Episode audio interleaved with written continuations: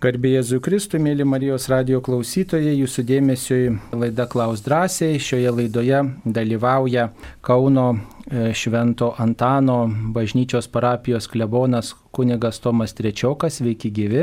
Labas. Ir taip pat aš kunigas Saulis Bužauskas. Taigi šioje laidoje jau turime kelias žinutės. Pirmoji žinutė tokia. E, ar dvasinė komunija yra to lygu ostijos prieimimu, jei žmogus dėl kokios priežasties negali priimti komunijos įprastų būdų. Kaip galime atsakyti?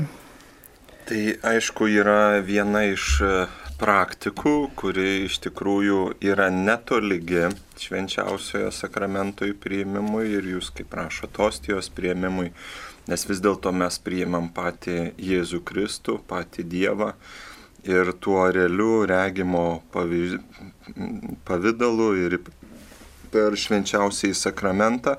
Ir iš tikrųjų dvasinė komunija yra tokia, kad vis tiek, vis tiek kaip, e, kad žmogus būtų kartu, kad jis išgyventų ir lygiai taip pat mes būtų galime irgi nu, palyginti, ar žmogus, kaip pavyzdžiui, gyvai bendrauja su savo artimaisiais, ar per, per Skype, ar Messengerį, ar kažkokius kitus dalykus, tai ta prasme vis tiek yra išgyvenimas ir prisilietimas yra gyvas.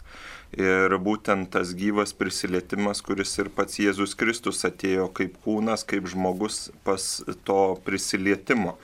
Ir pavyzdžiui, yra ligonio sakramentas, kuriuo irgi visada kviečiami žmonės naudotis, jeigu nėra kažkokių tai galimybių, ypatingai Lietuvoje yra prieš adventą, advento laikotarpį, gavėnios laikotarpį, prieš E, didžiai įvykį prieš Velykų tridienį priimti. Ir būtent tam eina kunigas arba, arba žmogus, kuris gali nešti švenčiausiai sakramentą ir vis dėlto realiuoju būdu, realiu susitikimu žmogus priema patį viešpatį. Svarbu žinoti, kokia toji priežastis, dėl kurio žmogus negali priimti komunijos įprastų būdų, ar tikrai tos priežasties negalima labai pasistengus įveikti. Jeigu pasistengus galima įveikti, tai tikrai na, ta dvasinė komunija na, neatstoja to susitikimo su Kristumi. Taip, tai yra e, malda, tai yra ryšys, tai yra pagalba, tai yra e, troškimas, bet jeigu E, žmogus tikrai gali pasistengęs įveikti visas kliūtis ir priimti šventąją komuniją, tai tikrai reikėtų tuo pasinaudoti. O jeigu žmogus net ir labai norėdamas, labai e, besistengdamas, o vis dėlto negali dalyvauti gyvai šventose mišiuose, ypač sekmadienį, tai na tai tikrai tada tai yra vienintelė, vienintelė proga vienyti su, su viešpačiu, kuris e, pasilieka komunijoje ir per tą troškimą viešpats tikrai aplankys, sustiprins ir suteiks reikalingą pagalbą. Dar panašus klausimas apie švenčiausiai sakramentas. Kalbėjome ankstesnėse laidose apie relikvijas, apie šventas vietas ir kviečia, prašo, kad mes paaiškintume apie švenčiausio sakramento adoraciją. Tai yra tokia speciali laida, paslėptas lobis Marijos radio eteryje, tai kviečiame jos klausytis ir ten specialiai yra švenčiausio sakramento adoracijai skiriama laida ir adora, su adoracija susijusiems klausimams ir, ir įvairių žmonės iš įvairių vietų svarsto švenčiausio sakramento adoracijos ypatumus, o trumpai turbūt galėtume priminti, kad tai yra Dievo garbinimas, kuris mm, toks yra mm, pasižymintis tokiu buvimu, dažnai tyliu buvimu, tačiau kai kada e, giesmėmis, mąstymais, įvairiomis maldomis mes pagerbėme viešpatį, kuris ostijui pasilieka, gal kunigė dar ką pridėsi. Taip, aišku, mums yra labai svarbus iš tikrųjų pajusti tą begalinę Dievo meilę ir jo tą žvilgsnį į mus, į mūsų gyvenimą. Ir iš tikrųjų adoracija, švenčiausias sakramentas išstatytas garbinimu, jisai ypatingai mums tuo ypatingu Dievo meilės būdu leidžia pajusti jo buvimą kartu, buvimą šalia. Mes pastebim, kai išeinam kažkur tai į miestą ar susitikti su draugais, su pažįstamais, visada žmogus visada jaučia, kad jį kažkas tai žiūri, kažkas tai stebi, kažkas tai pasisveikina, kažkas su kažkuo susitinka. Ir iš tikrųjų tas susitikimas, kuris keičia mūsų gyvenimą, jeigu mes turėjom gerą gražų pokalbį, nuostabų susitikimą, kuriame buvo daug džiaugsmo, daug pasidalinimo, daug ramybės arba tiesiog tylaus ramaus pabuvimo, tai taip tuo pačiu ir švenčiausioje adoracija yra būtent tas momentas, kada mes pasineriam į Dievo žvilgsnį ir ypatingai, kai mes pajuntam, kad Jisai laukia mūsų gyvenimo pasikeitimo, kad Jisai ypatingų būdų mus myli tokie, kokie mes esam, kas yra gyvenime iš tikrųjų mes kartais ir nuo to pasitempimo ir kitų dalykų žmogus pavarksta, o Dievas myli žmogų tokį, koks jis yra Ir tas buvimas Dievo akivaizdo iš tikrųjų adoracija yra pirmiausiai atgauti savo dvasę, atgauti save, būtent būnant Dievo žvilgsnėje. Taip, ačiū. Dar vienas klausimas apie priklausomybės. Kaip kovojate su priklausomybėmis? Na, turbūt nežinau, ar galima sakyti, kad mes kažkokių priklausomybių turime, galbūt uh, tokių aštrių neturime, tačiau mm, kovoti su priklausomybėmis, tai čia, mm, žinot, ne tiek, kad kovoti reikia, kiek turbūt mm, pirmiausiai įsisamoninti apie vieną ar kitą priklausomybę, kurią žmogus turi ir pripažinti, kad aš esu bejėgis, kad yra ta priklausomybė ir tiesiog prašyti įvairios pagalbos. Turbūt reikia na, labai konkrečiai kalbėti, kokia ta priklausomybė ir ne yra. Na, aišku, schemos dažnai yra panašios, tačiau yra specialios bendruomenės, kurios su tomis priklausomybėmis, su žmonėmis, kurie turi priklausomybių ir darbuojasi. Tai reikėtų kreiptis į tas bendruomenės. Beje, Marijos radio eterija taip pat skamba liūdimai tų žmonių, kurie vienai par kitaip gyvenime susidūrė su priklausomybėmis ir jie liudyja, kas jiems padėjo, dažnai tikėjimas e, yra ta veiksminga jėga, kuri padeda pripažinti, jog yra aukštesnė jėga asmuo, kuris gali man padėti ir aš turiu prašyti jo pagalbos. Turbūt pirmas žingsnis toks nuolankumas yra pripažinti, kad turiu problemą, o tada ir pagalba įmanoma. Aišku, džiugu labai dėl jūsų klausimo, kad jūs klausėte, jums įdomu ir aišku visada, jeigu klausia pats žmogus, kuris turi priklausomybių, tai yra iš tikrųjų jūsų labai didelis žingsnis. Ir yra dėl jo labai džiugu ir tai yra labai sąmoningas žvilgsnis. Kitas žvilgsnis, jeigu žmogus, kuris šalia yra, jisai myli kitą žmogų ir mato, kad šalia esantis priklausomas, vėlgi tas klausimas visai nuskamba kitaip ir jisai yra kur kas sudėtingiau kalbėti apie kitą dėl kito žmogaus. Įprastai iš tikrųjų priklausomybės yra ir šventajam rašte Jėzus Kristus yra kalbama apie įvairiausius demonus, mes dabar galim tą truputėlį žodyną pritaikyti ir ypatingai priklausomybėm, tai nes priklausomybė yra pirmiausiai žmogaus varginimas ir varginimas visais būdais - jo proto, jo emocijų, jo kūno, jo visų finansinių išteklių ir tai yra tiesiog žmogaus visas gyvenimas yra varginamas ir jis yra suvalgomas kas yra iš tikrųjų labai svarbu, tai yra pirmiausiai dvasinis turtingumas. Jeigu mes norime įveikti kažkokią tai priklausomybę, dažniausiai priklausomybės atsiranda iš tuščio vidaus. Ir pavyzdys, jeigu mes einam tirtis kraują, visada kraujas turi begalės ten šimtus tūkstančių įvairiausių elementų, kurie yra kraujyje. Dažniausiai mum gydytojai pateikia 30-40 elementų, pagal kuriuos yra tikrinama mūsų sveikatos būklė kiek yra vienų kūnelių, kitų kūnelių ir taip toliau. Tas kažkas tai panašaus yra ir su žmogaus dvasiniu pasauliu, kuris iš esmės turi būti turtingas.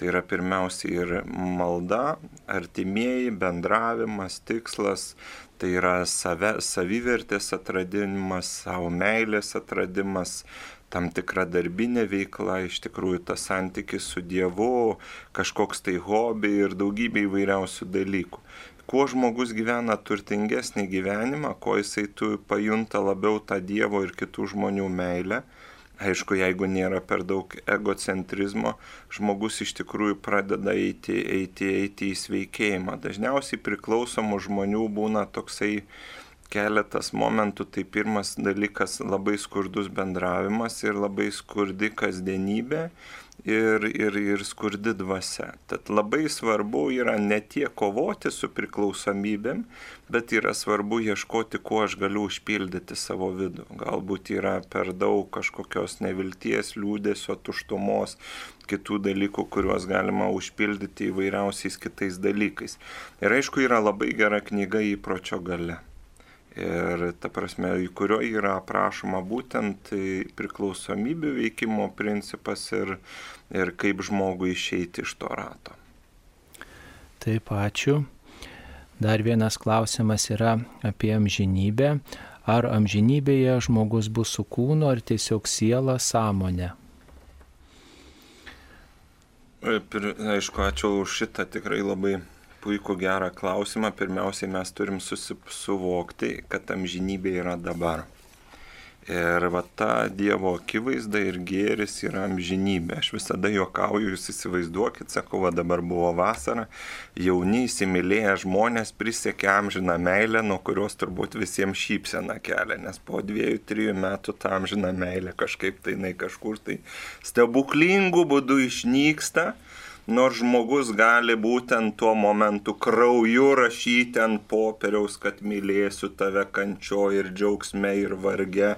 Ir tai yra tikrai amžina meilė. Ir aš neatsimenu, kuris Šekspyras ar kas yra pasakęs labai gražius žodžius, kad žmogus sako, kad pirma meilė yra paskutinė, o paskutinė meilė sako, kad yra pirmoji. Tai iš tikrųjų, jeigu praplenčiant tą amžinybės temą, tai pirmiausiai žmogus amžinybę sieja su geru buvimu.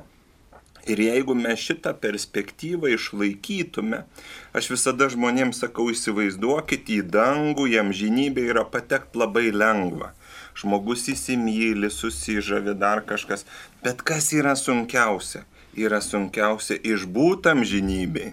Mes matome Adomos, Jėvos pavyzdį ir kitus. Tai būtent amžinybė, kuri prasideda čia ir dabar mano geru, mylinčiu, sąmoningu gyvenimu santykėje su Dievu ir su kitais žmonėmis. Ir tam žinybė tęsiasi. Nes pirmas dalykas, visi geri dalykai yra amžini, visas blogis yra iš prigimties tas, kuris nyksta. Ir mes jeigu tęsiam šitą tokį suvokimą, apie amžinybę, apie gėrį, kuris iš tikrųjų jo pradžia yra čia ir dabar, nuo mano minčių, nuo mano veiksmų, nuo mano santykio su Dievu, nuo mano santykio su kitais žmonėmis, aš čia ir dabar pradedu amžinybę. Kai adoruoju švenčiausiai, va buvo klausimas nuostabus, kai esu maldoje, kai esu meilės santykėje, atsakingam, valingam santykėje, meilės santykėje su kitu žmogumi, kad galbūt net seną žmogų reikia prižiūrėti, kyrų žmogų išklausyti, aš tada jau keliauju amžinybės keliu. Toliau jau ta mirties perspektyva, kuri galbūt e, žmogui yra įdomi, tai iš tikrųjų mes turime šventojo rašto ir aišku, apaštalas Paulius ne vieną kartą yra savo šventojo rašto vietose pajuokęs, E, tą įsivaizdavimą, kad mes su dabartiniu kūnu su, ir jisai kalba apie grūdus. Sako, žiūrėkit, kaip yra su grūdai, sako. Jūs berėte į žemę grūdą, sako, jisai numiršta. Iš grūdo nieko nelieka, bet išnyra labai labai gražus augalas. Tai būtent amžinybė yra ta perspektyva, kurioje visa ta dinamika keičiasi. Aš visada sakau, amžinybę galbūt lengviausiai įsivaizduoti su sapnu, kur realiai tas pasaulis egzistuoja, kaip ir mūsų sąmoniai, mūsų, mūsų prote. Ir kas yra įdomiausiai, kad žmogus, kai pradeda miegoti, protas veikia tuo tokiu ramesniu ritmu, bet yra atjungiami visi, visi organai, nu ne visi organai, aišku, bet atjungiamos kojos, rankos ir taip toliau, kad mes, kai sapnuojam, nepradėtume bėgti, lipti ir taip toliau. Ir tai būna to būsena reali, kurioje mes išliekam. Tai būtent apie amžinybę irgi yra kalbama apie tą būseną, į kurią mes patenkame. Taip, dabar mums paskambino. Alfonsas iš Šiaulių. Taip, klauskite. Garbėsiu Kristai. Per amžius. Mes tėvai, mylėdami savo vaikus, stengiamės apsaugoti juos pirmiausia nuo kančios. Nes lyga yra didelė kančia, tai didelė nelaimė žmogaus gyvenime. Kodėl Kristus elgėsi priešingai? Jisai norėdamas mus matyti laimingus amžinybėje, sako, kas neįmate kryžių ir nesiekate mane, tai yra kančios, nepateksit į dangų. Nesat manęs verti, kodėl jis elgesi priešingai? Juk Dievas tai yra tobuliausia būtybė, tobuliausia meilė. Jam nereikėtų, atrodo, šitos kančios. Kančia tai destrukcija Taip, yra. supratome, kodėl Kristus neapsaugo savo mm, žmonių, savo tikinčiųjų nuo kančios. I- Ačiū Jums labai už klausimą ir iš tikrųjų e, matot, kas yra, jeigu e, mes turėtume įsivaizduoti tai, kad Jėzus Kristus netėjo į žemę kentėti, bet Jėzus Kristus atėjo į žemę mylėti. Dabar su, mes iš tikrųjų savo būtyje susidurėm dažnai su, kaip pavyzdžiui, su didžiausiu iššūkiu, tai yra atsakomybė. Ir vėlgi mes e, kitą kartą dažnai tą žodyną, ta prasme, vat, nu, pavyzdys, kad uh, ta žodynas, kad aš prisijėmu kančią ir taip toliau. Ir yra, yra, pirmiausiai tai yra meilės atsakomybė ženklas. Ne, nesmė yra kančia. Ir suprantat, jeigu pavyzdys, jeigu mama augina vaiką, jeigu šeimoje yra sunkumų, jeigu ir tada mes galim paklausti, ar esmė yra kančia. Esmė nėra kančia, esmė yra šeima, meilė, sutarimas ir buvimas. Iš tikrųjų, kas yra va tos kančios tokia problematika, ypatingai būtent tam meilės dalykė, nes mes susidurėm su pasauliu, kuris, e, ta prasme, jis tave myli tol, kol būna viskas gerai. Ir būtent Jėzaus Kristaus pavyzdys, kuris labai aiškiai parodo, kad aš tave myliu ne tada, kai tu padarai nuodėmę, aš tave myliu ne tada, kai tu nusidedi ir aš tave myliu ne tada, kai tu pridarai daug rūpešių. Kažkada prisimenu šitą klausimą panašiai dvyliktokai mokykloje gimnazijoje uždavė, sako, ar kunigė galit paaiškinti žodį atpirkimas. Nu ir sakau, ganėtinai paprasta, ta prasme, sakau, va, turi tėvą sūnų, mama turi sūnų, jisai prisigeria alkoholio, prisivartoja narkotikų, sėdė į automobilį, padaro avariją, sužeidžia žmonės, sudaužo kitus automobilius. Ir sakau, nei tėvas, nei mama nepadarė tos avarijos, jie nevartojo narkotikų, jie nedarė tų nusikaltimų, bet iš tos meilės jie išperka sūnų, kad jis neatsidurtų kalėjime, jie apmoka už tos sudaužytus automobilius, jie apmoka už gydimą, todėl kad draudimas niekada nemoka, jeigu žmogus būna apsvaigęs. Ir tai yra kančios problema, tai yra kančios, kada tu myli, tai yra tavo sunus, tavo dukra, tu nenusisuki nuo jų dėl to, kad jie padarė klaidą ir nuodėmę, bet tu susiduri su kančia iš meilės tu susiduri su kančia iš atsakomybės. Ir va čia iš tikrųjų tas e, kvietimas nebijoti, nebijoti kančios, nebijoti sunkumų, tai yra pirmiausiai kvietimas gyventi atsakingą ir sąmoningą gyvenimą.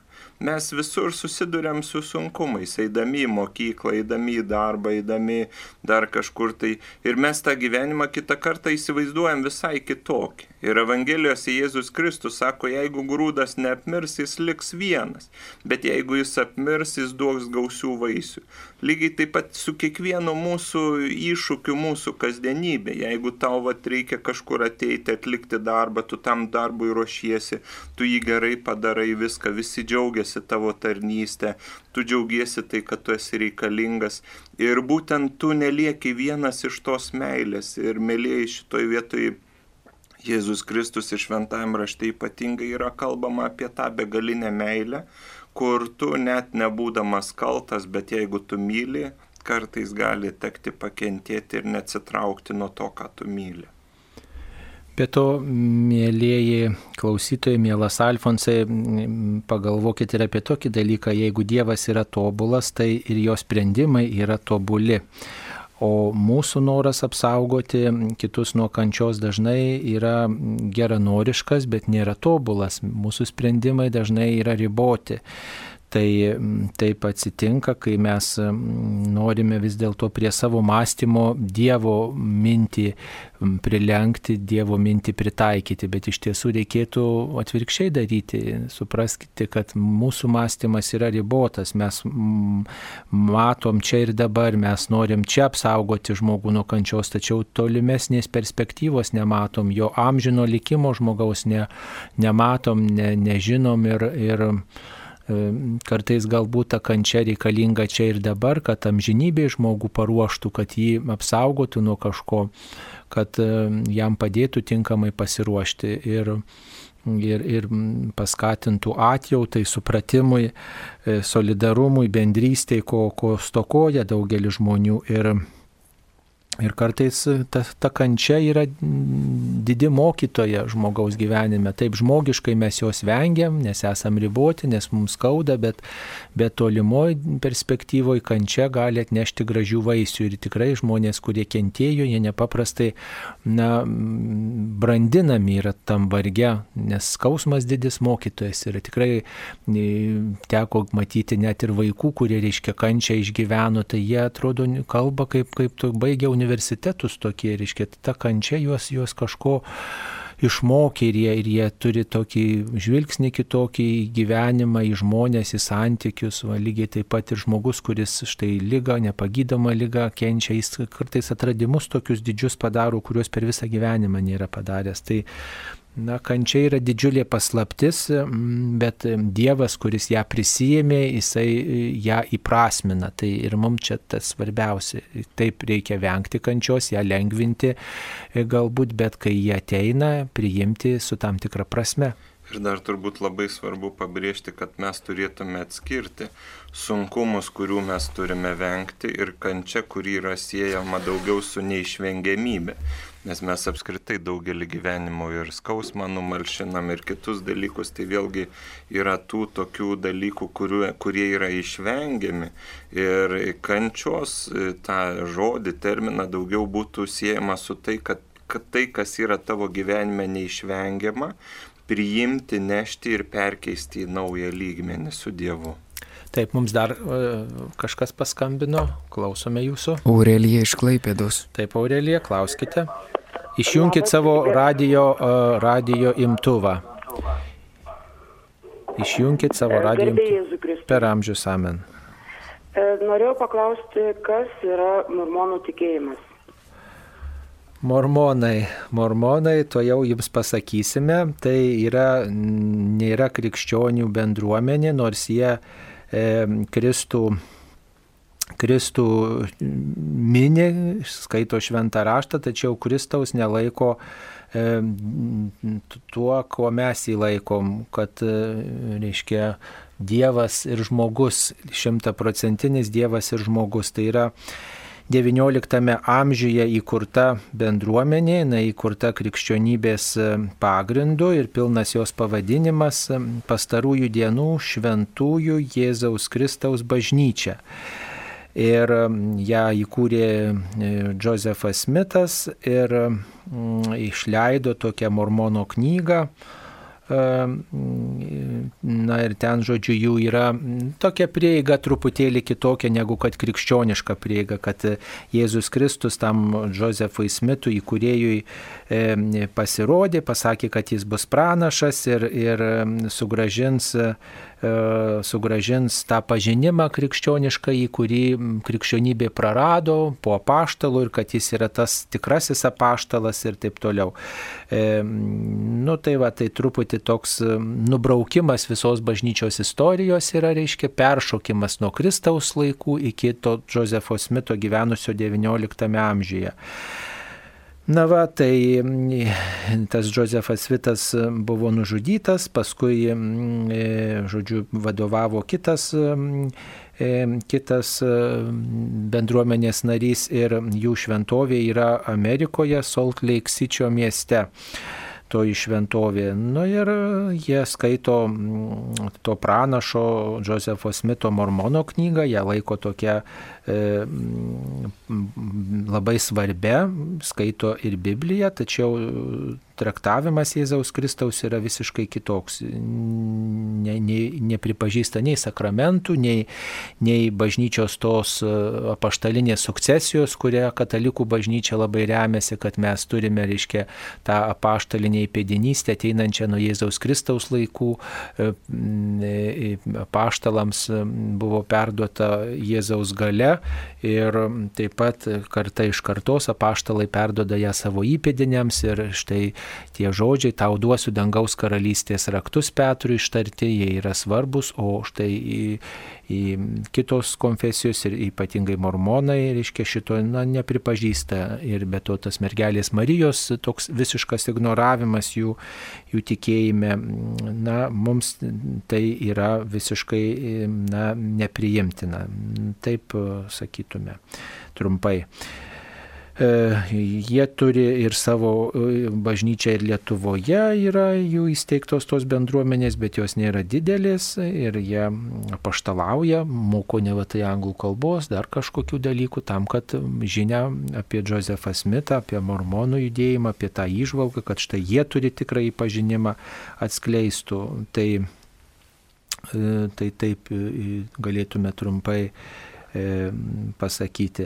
E, na, dar pas juos buvo tokia daugpatystė kadaise įteisinta, bet dabar kiek atsimenu, ta daugpatystė yra nepriimtina, žodžiu, tai, e, tai tokie, tokie įdomus dalykai.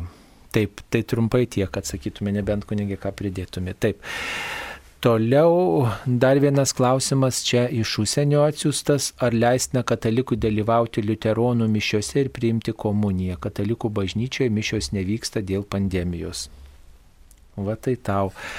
Tai komunijos tikrai nepriimkite, nes nėra mūsų bendrystės e, su tokios tobulos bendrystės, eucharistinės bendrystės su liuteronais. Mes einame į ekumenizmą, mes bendraujam, siekiam tos bendrystės, skaitom kartu šventą raštą, melžiamės, vyksta ekumeninės pamaldos, bet nėra to pilno, e, tokio pilnos vienybės. Pilnos vienybės nėra. Tai dalyvauti tikriausiai galite, jeigu nėra katalikų bažnyčios arti, nežinau kokiam kokiam čia mm, krašte gyvenate, jeigu dar nevyksta tos mišios, na tai žinot, yra geriau ten dalyvauti negu niekur turbūt, ar ne, bet, bet komunijos nereikėtų priimti, nes jūs priklausot katalikų bažnyčiai e, teisiškai. Ir E, melstis galima ir tikrai Kristų priimti dvasiniu būdu, neskaityti, klausyti švento rašto, klausytis įžvalgų, tačiau nuo, nuo komunijos to prieimimo reikėtų susilaikyti.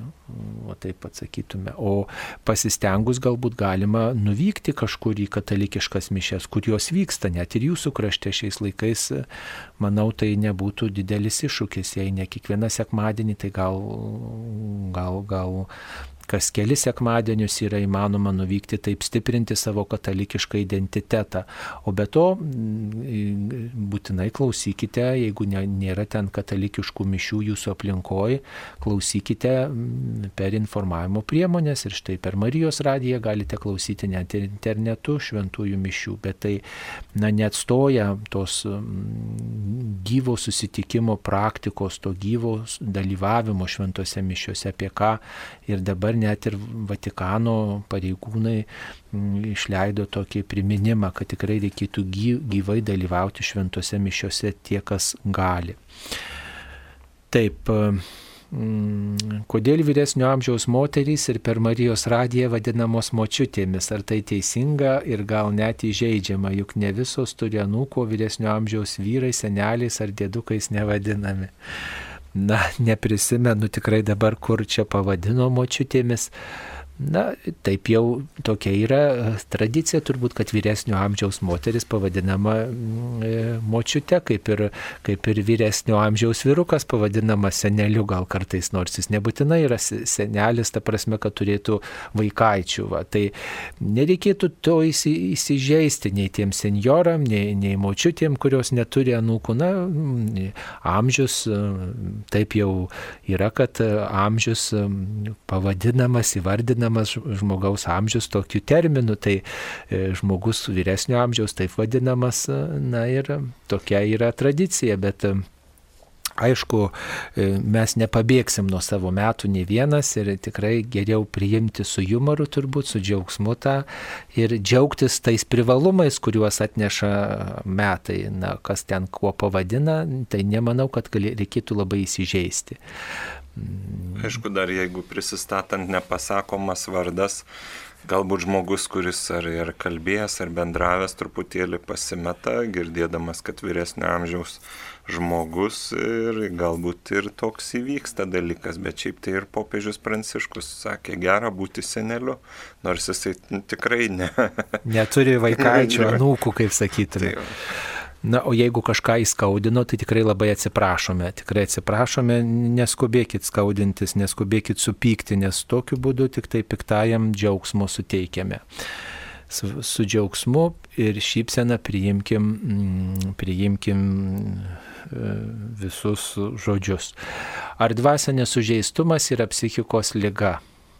Ne visada turbūt gali būti tas susiję, bet, bet nėra psichikos lyga. Psichikos lygos yra savo eina turbūt, kūno lygos eina savo, o, o, o dvasinės lygos nuodėmės eina, eina, eina savo keliu. Aišku, visas mūsų kūnas, visas mūsų gyvenimas yra na, vientisa ir jeigu, pavyzdžiui, vienas rytis serga, tai ir kitos rytis turi tam tikrą, turbūt, tam tikrą tam tikrą poveikį, kitoms rytims yra tam tikras poveikis. Tai jeigu um, turite kažkokių dvasinių iššūkių, sunkumų, problemų, aišku, kad ir, ir, ir mūsų net ir kūne gali tai net ir įsispausti kažkaip ir, ir aišku, tam tikrą reikšmę tas turi psichikai. Tačiau jeigu tikrai įvardinate, kad yra sužeidimas dvasinis ir, ir, ir ne tik jūs įvardinat, bet ir įvardina specialistai, mm, na tai tą dvasinį sužeidimą stenkitės gydyti, va, o jeigu yra psichikos lyga, tai tada psichinę lygą reikia gydyti, turbūt, va taip atsakytume. Aišku, galbūt būtų daugiau atskirti tą, vis tiek jeigu psichika jau yra reikalinga tam tikra pagalba, kur e, žmogus, kaip pasakyti, ar dvasiniam pratybom ar kažkokiu savo gyvenimo būdu nelabai galėtų pakoreguoti arba, pavyzdžiui, savo mąstymų, atleidimų, savo požiūrių tam, tikrais dalykais, nes iš tikrųjų vyksta tie neurocheminiai, biocheminiai procesai, kuriuos mes galėtume, jų sutrikimas, kurią galėtume irgi pavadinti psichiniam lygom, kur jau reikalingi ir medikamentai, psichoterapija, įvairiausi kiti dalykai. Dvasinės lygos, aišku, būtų daugiau, kad ta prasme mes galime tuos dalykus patys arba su dvasios tėvo pagalba pakoreguoti savo ar, nevil, ar neviltį, ar liūdėsi, ar kažkokius abejonės, ar kitus dalykus. Bet aišku, jeigu žmogus ilgai gali būti ir dvasiškai sužeistas arba sergantis, tai gali išaukti ir ta prasme tolimesnius procesus, kur, kurie gali paveikti ir psichiką. Bet aišku, tai atskirtis yra labai didžiulė. Taip, mums paskambino. Stasė iš Kauno. Taip, mėla Stasė, klauskite. E, Garbės pristatyti. Per amžius. Nuoširdžiai dėkoju Jums gerbiamas direktoriau už Jūsų gražias laidas, rytinės laidas, kiekvieną dieną. E, paminima šventieji, e, kokia ta diena, tos dienos prasmė.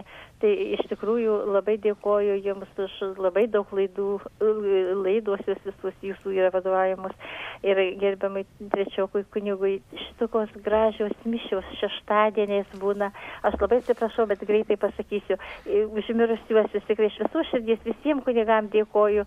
Labai labai už veiklą Marijos radio. Kiek galima aukosiu, ateisiu, ateinu į jūsų, lai, į, į, mūsų jūsų jūsų, reiškia, Marijos radijo. Dabar noriu paklausti, mirus žmogui artimam, nesvarbu, bet kaip reikia teisingai pasielgti tie rūbai, po kiek laiko galima jų neimti ar mm, pasidalinti, mama mano numeris amžinatis ir tiesiog kaip po laidotuvės būtų gražiau atliekamos, ar galima, kaip ateina pagerbti giminės atvažiuoja ten artimi žmonės, ar tu jau liūdintysis, jau artimas žmogus, mirusio žmogaus, būni prie karsto nuleidęs rimtyje, ar prieit prie to žmogaus pačiam, ar laukt, kada jis tave ateina pasveikinti. Nu, va trumpai, ačiū labai jums. Gerai, ačiū jums labai už, už Džiugu, kad yra gera, kad lankotės, kad būnat kartu su mumis ir tai yra vienas nuostabiausių dalykų, kada išgyvenam tą ir džiaugsmą, ir Dievo meilę, ir aišku, vieni kitiems patarnaudam ir ačiū Jums. Ačiū už Jums jūsų. už gerų žodžius ir paramą Marijos radijai.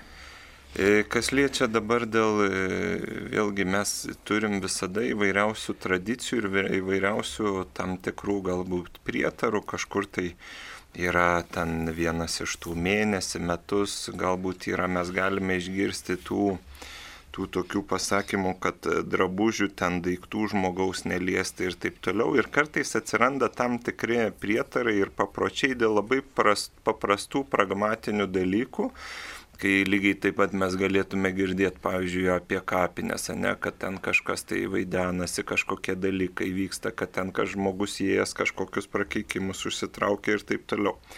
Tai dažniausiai atsitikdavo tradiciškai žmonių pasąmonės ir toks etnosas atsiranda dėl to, kad žmogus, pavyzdžiui, jeigu yra palaidojamas su kažkokiais brangiais daiktais, dar kažko ir taip toliau, kad tai iš tikrųjų būtų šventa neliečiama vieta. Ir kad žmogus neįsidrasintų, kaip pasakyti, kad eiti į tą šventą vietą ir galbūt kažką pasiimti, kažko pasinaudoti ir taip toliau Ir iš tikrųjų tie žmogaus geismai, jie dažnai paima žmogaus ir širdį, ir protą, ir mes matome įvairiausius ir karus, ir nusikaltimus dėl to, kad žmogų paima paima viršų jo tas pragmatinis protas, toksai, kad man reikia turėti iš vieno ir kito dalyko naudos.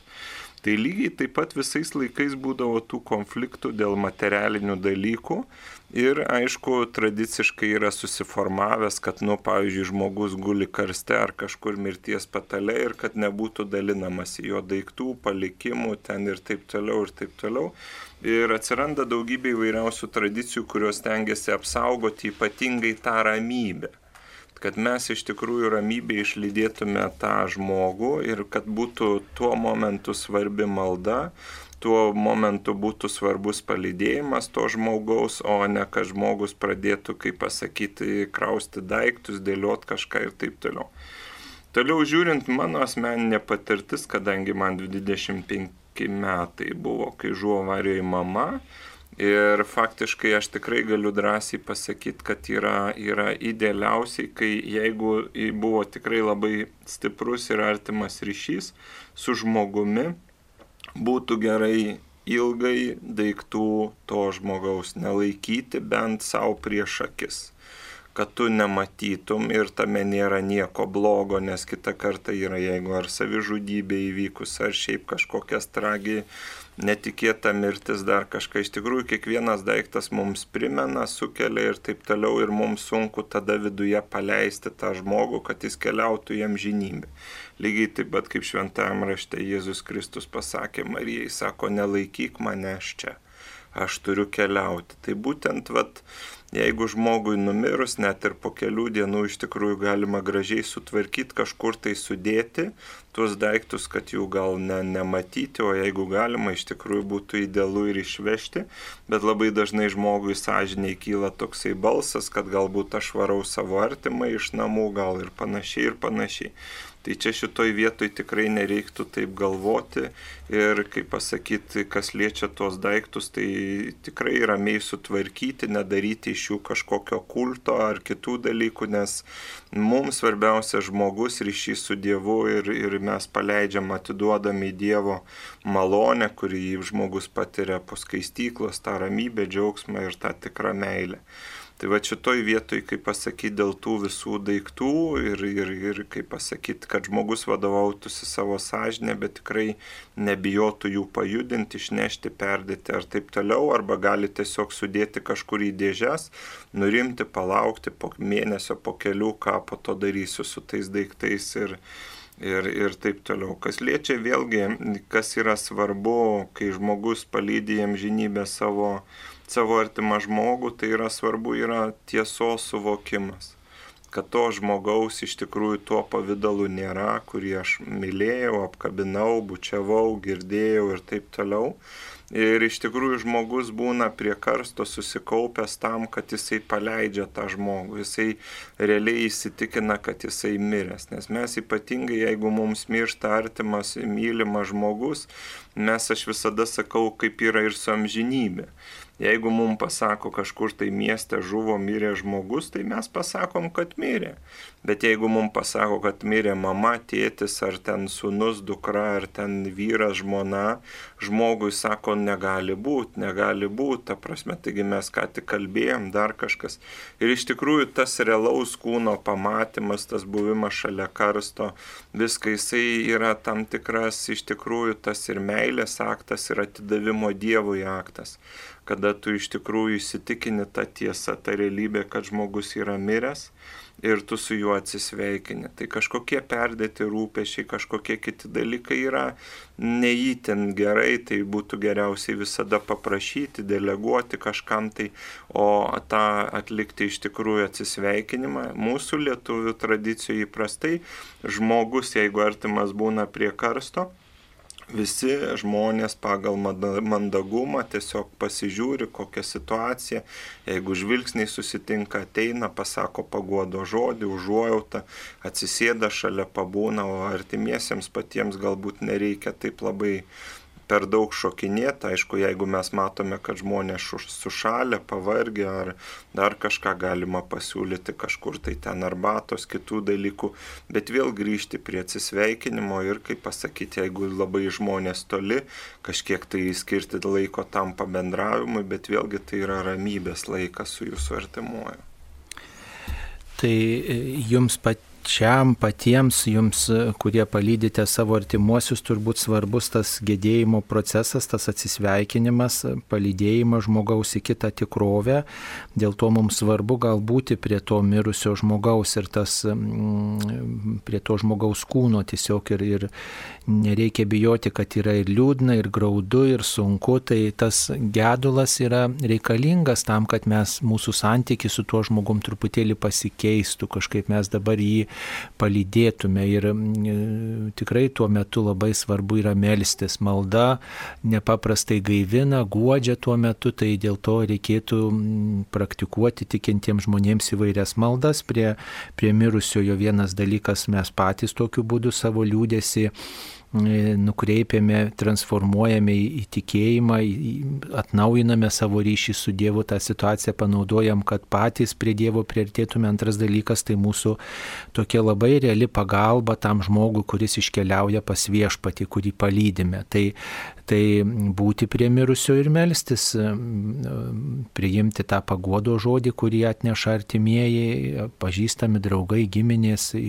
atėję štai atsisveikinti su palydimuoju žmogumi, o ten pasitikti, jeigu jūs matot, kad atėjo žmogus, kurio jūs senai nematėt, pasilgot viską, tai kad jūs pribėgsit, apkabinsit ir ten ašarą nubrauksit abudu, tai nebus kažkas ten, kažkokio tiketo pažeidimas, nėra tokio kažkokio tiketo ar, ar, ar bažnyčia nenurodo, kaip ten, kaip ten reikėtų elgtis, tiesiog palaikyti vieni kitus va toj situacijoje.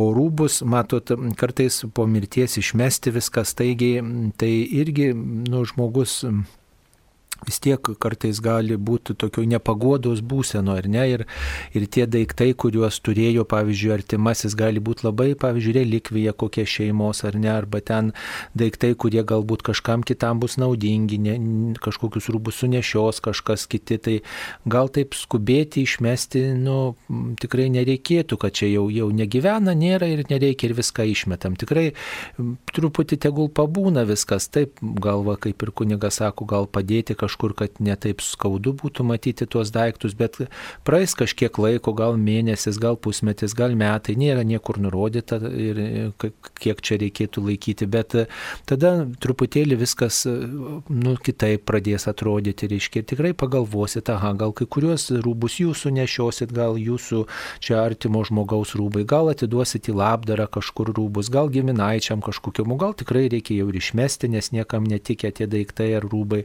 Gal yra relikvija, pavyzdžiui, kurie eina iš kartos į kartą, ten ar, ar, ar rūbas kažkoks, ar, ar daiktas kažkas, galbūt yra tuose daiktuose kažkas įdėta, kokia relikvija. Tai žinot, tikrai neskubėti tiesiog sprendimus priimti, kad čia jau išėjo žmogus ir kad viską to jau pat apsišvarinam ir arba ten laikom ilgiausiai, ne, tai turėsit laiko, apmastysit, pagalvosit, pasversit. Daiktai yra tik tai daiktai, bet kita vertus, na, tie daiktai mums primena ir žmonės, ir primena ankstesnės kartas, tai, tai taip labai išmintingai, neskubant. Aš dar norėtųsi pridurti taip kažkaip tai mintysę.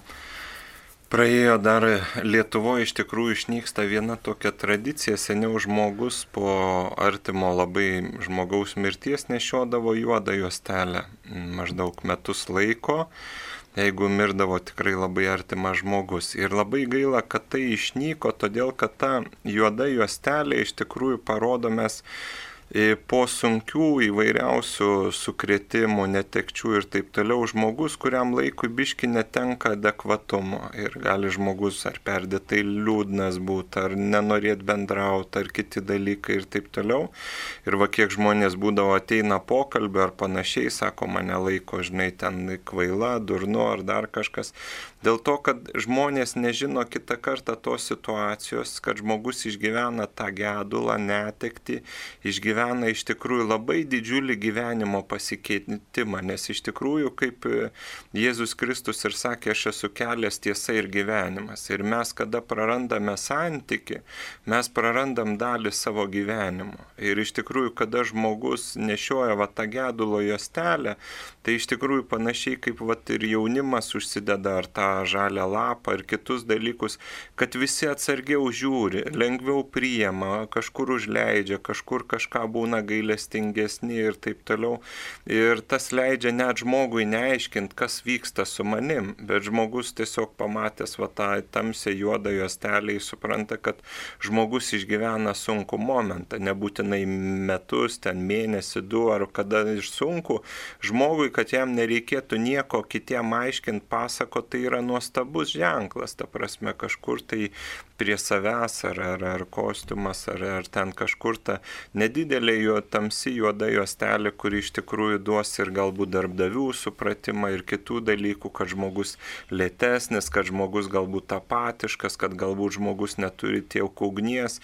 Ir iš tikrųjų mes šitam skubėjimo laikotarpyje labai taip vat panaikinam ir, ir kitą kartą ir su tom urnom ir dar kažkas tas toksai greitis čia atėjo, čia sudegino, čia tas įdėjo, čia jų mašina, viską ir kažkaip tai, ta prasme, tie visi iš tikrųjų dvasiniai procesai, meilės procesai, jie ganėtinai yra ilgesni. Ir va tos, tos meilės kultūros supratingumo yra aišku patiems žmonėms. Taip, ačiū, mums paskambino. Anelė iš Vilniaus. Taip, Anelė, klauskite. Anelė, jūs eterija, klauskite. Labas rytas. Tai panelė vėliau paklauso, mes atsakykime į tokią žinutę apie verkiančias Madonas. Koks jūsų požiūris į verkiančių Madonų statulas?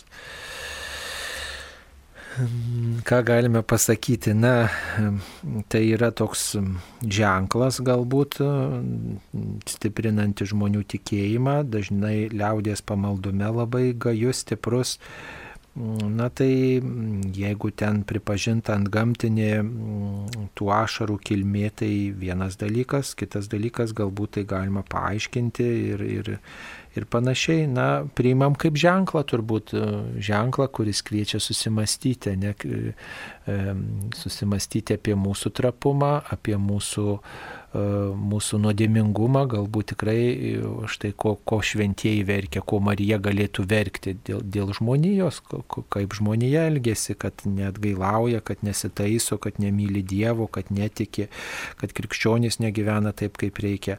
Na, aš tai tų statulų nepriimu kaip tokio pagrindinio ženklo mano tikėjime. Tai yra gal kažkam E, kažkam svarbu, kažkam įdomus aspektas, tačiau neremiu savo krikščioniško tikėjimo, aš tai verkiančių Madonų statulų atvaizdais. Tiesiog tai yra ženklas, kuris galbūt primena apie tai, kad reikia keistis, kol, kol, kol galime. Ir taip pat galima pridurti Evangelijos švento rašto vietą kada Jėzus Kristus sako, žinai, jūs panašiai šį kartą į tą, kai turguose, turguose, kur groja vaikai, sako, mes ten grojame, bet jūs nešokote, mes ten tos raudos, bet jūs neverkite ir iš tikrųjų nei vienam žmogui nebus toksai, kad visiems universaliam tinkanti ženklas. Ir kaip Jonas Krikštytojas savo gyvenimu, kuris E, vienu žodžiu buvo visiškai, visiškai su gamta ir jokių dalykų jam nereikėjo ir sako, ir sako, jūs jį laikėt, e, žinai, ne, ne visiškai sveiku, nenormaliu, atėjau aš, kuris ir geriu, ir valgau, ir, ir jum ir šitas ženklas netinka. Tai iš tikrųjų, jeigu apskritai Dievo kalba ir ženklai, esminis dalykas yra, kiek jie padeda keisti tau savo gyvenimą. Ir, vat, ir gali kitą kartą iš tikrųjų net bet kuris, bet kuris dalykas, kuris, ta prasme, jisai privers tave keistis. Bet jeigu tavo tik tai bet kuris ženklas, bet kuris įvykis, jeigu tau yra tik tai smalsumo ir analizavimo principas, ypatingai tikėjime, krikščionybei, tai jisai yra nieko vertas, ta prasme, dvasinė prasme. Taip, tu kaip žmogus galbūt viską ir daugybę ženklų mes patiriam tik tai dėl vieno dalyko, ne kad mes išanalizuotume ten verkimo greitį, ašaro struktūrą ar dar kažko, bet iš tikrųjų kiek tai keičia mano gyvenimą ir aišku, kiek tai yra tikra, tas irgi yra svarbu.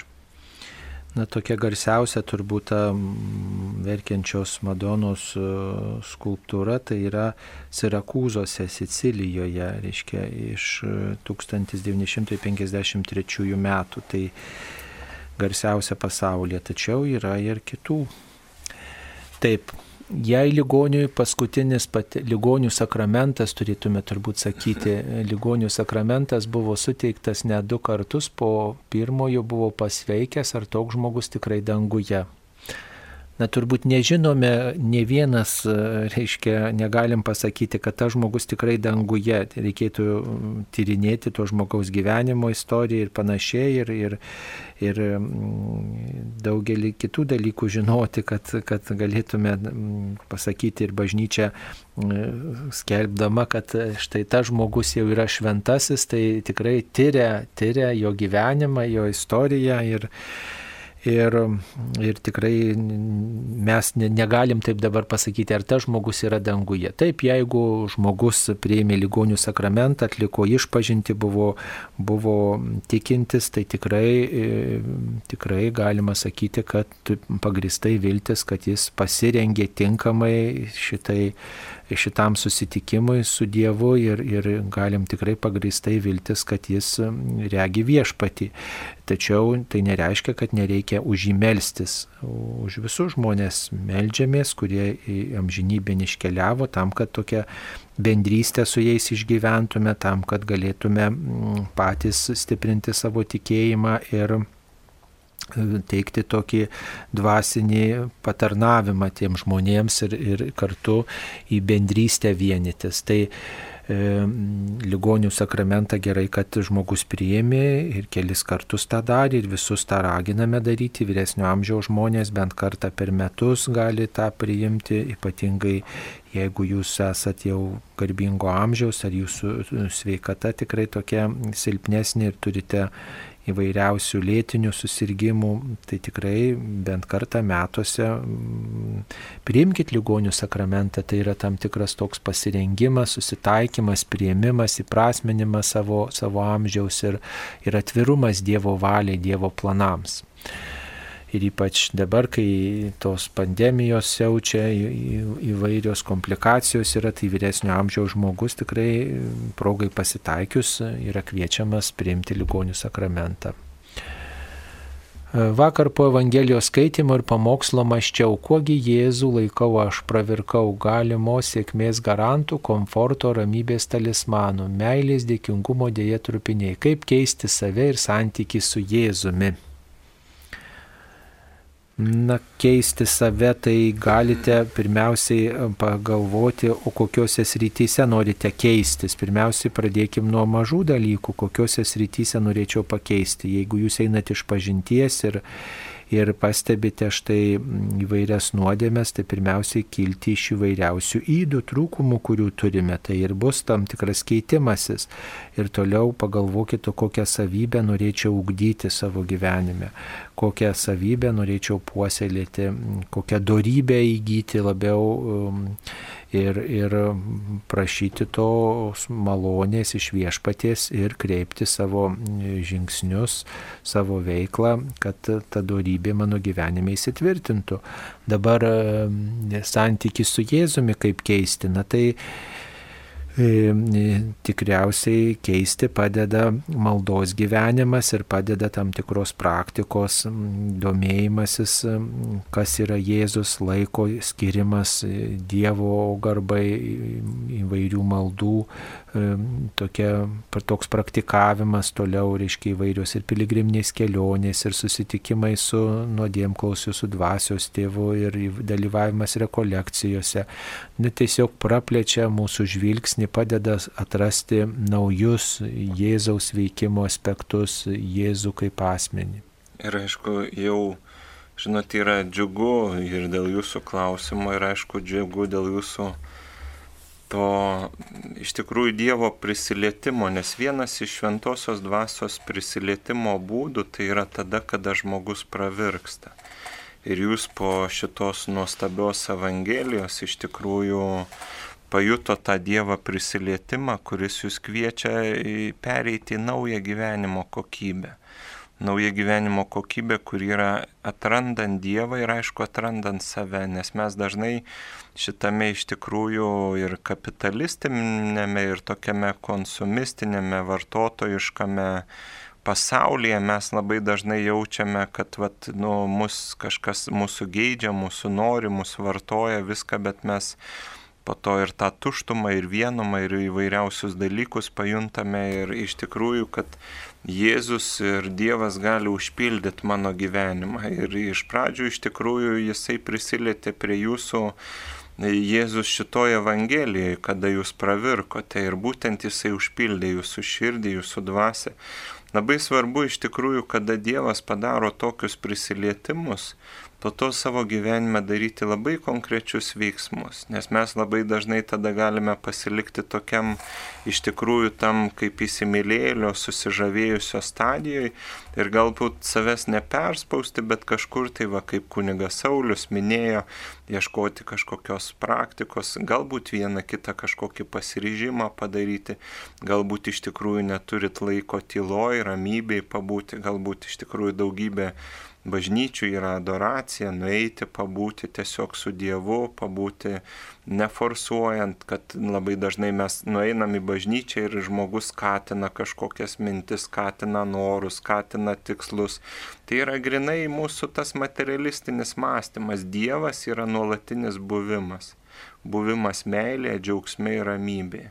Ir iš tikrųjų išgyventi tą prisilietimą ir galbūt iš tikrųjų savęs paklausti, ko man trūksta iki ramybės, ko man trūksta iki meilės, ko man trūksta iki džiaugsmo. Ir Jėzau ateik į mano gyvenimą ir gydyk tas vietas. Taip, mums paskambino. Regina iš biržų. Taip, Regina, klauskite. Garbėjai. Per amžius. Norėjau paklausti jūsų dar dėl laidotuvių. Čia buvo klausimas dėl drabužių. O aš norėjau paklausti, kaip reikia, pažiūrėjau, kai laidotuvėse žmonės pasižiūri, neš vainiks, didžiausias krepšelis neš. Ir ar tą reikia, ar, ar žedelį nunešti ir, ir, ir tą žmogų geriau paremti, arba tam, kad ir patys artimieji irgi didžiausias vainiks, ar, ar, ar nu, kaip jūsų nuomonė, ką jūs dėl šitą patartumėte. Taip, ačiū. Ar tam mirusiam reiktų vainikų mhm. ir, ir... Gerai, ačiū Jums labai už klausimą. Iš tikrųjų, tai yra vėlgi mes turime suprasti, dėl ko tam tikri dalykai atsiranda. Tai vėlgi yra kūnas, yra šventovė, yra šventosios dvasios šventovė ir ypatingai kūnas krikščionių gyvenime turi būti ypatingai pagarbos. Ir pavyzdžiui, tas ar, ar vainiko, ar gėlės atnešimas, kaip pasakyti, jis yra nuostabu, bet labai svarbu, kad tai nebūtų iš tikrųjų ir mes vėlgi turim vadovautis vėlgi savo protu, tokiu teisingumu, proporcingumu, kokia ta didesnė nauda. Iš tikrųjų, tas vienas vainikas, gėlytė papuoš tą kūną ir parodys, kad mes iš tikrųjų tą žmogų labai mylėjom, labai gerbėm ir jisai mums buvo svarbus. Ir toliau taip, kaip jūs sakote, iš tikrųjų tai yra pakankamai didelis žmogui artimajam palaidoti kitą, kur, kur ir tikrai dideli pinigų suma ir kiti dalykai. Tai iš tikrųjų yra vertinga ir vertingiau atnešti ir žmogui paduoti į rankas tai, kas jam palengvintų tą visą materialiją naštą, kuri dažnai irgi gyvenime mus ir varo į neviltį ir kitus dalykus. Tai tas, kad artimieji ten pasirūpina galbūt vienu vainiku, kitas žmogus atneša gėlytę ir aišku prisideda prie to žmogaus pagerbimo. Dabar padarysime pertrauką. Ačiū visiems. Jūs girdite Marijos radiją.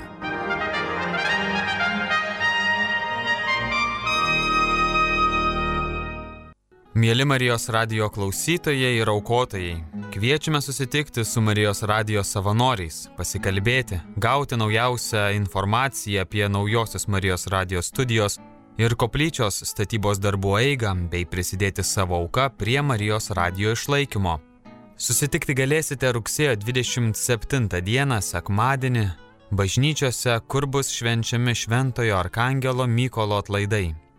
Viešintose Anikščių rajone Šventojo Arkangelo Mykolo bažnyčioje, Linkmenyse Ignalinos rajone Švenčiausiosios Trejybės bažnyčioje, Rietavo Šventojo Arkangelo Mykolo bažnyčioje, Virbalio Vilkaviškio rajone Šventojo Arkangelo Mykolo bažnyčioje, bei Senosios Varėnos, Varėnos rajone Šventojo Arkangelo Mykolo bažnyčioje.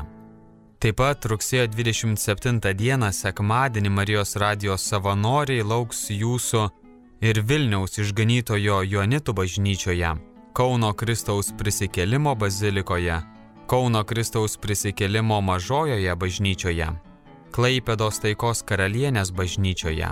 Joniškio švenčiausiosios mergelės Marijos ėmimo į dangų bažnyčioje, Skuodo švenčiausiosios trejybės ir nukryžiuotojo Jėzaus bažnyčiose, Žaliosios Vilkaviškio rajone Šventojo Roko bažnyčioje, Vabalninko biržų rajone viešpaties apreiškimo švenčiausiai mergeliai Marijai bažnyčioje, bei Salamiesčio Kupiškio rajone Šventojo Antano Paduviečio bažnyčioje.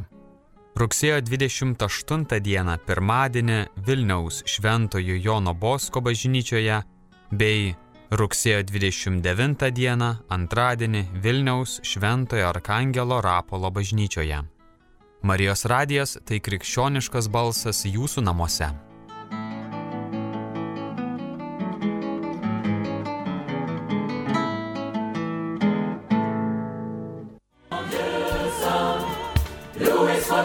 Tu es grand Dieu fort, et nous célébrons Dieu de tendresse, ta miséricorde et ton amour, tu es grand Dieu. Pokalbių laida Klausk drąsiai. Dieu fort, et nous célébrons Dieu de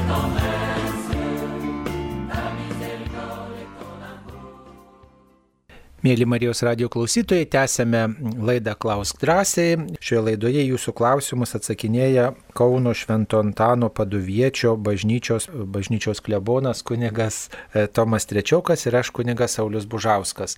Taigi, tęsėme atsakymus ir štai žinutė atėjo, kaip žemėje atsilyginti už nuodėmės, kad mažiau tektų kentėti skaistykloje. Kartais net rankos nusvyra, dangaus niekaip nepasiekti, klausia Kristina. Taigi, mėla Kristina, nenusiminkite, dangus yra dovana, savo jėgomis tikrai nepasieksime e, to dangaus mes atsiliepiame į Dievo, į Dievo žodį, į Dievo dovaną, atsiliepiam savo pastangomis, bet kas ten pateks, tai tik tai viešpats Dievas ten nusprendžia. O, o kaip atsilyginti už nuodėmės, na tai gerais darbais, tarnystė, tikėjimu, maldomis, uolumu, ten, kur galime, ten, kur galime, tiesiog už tai ir tarėme kiekvieną kartą viešpatė pasigailėk mišių pradžioje.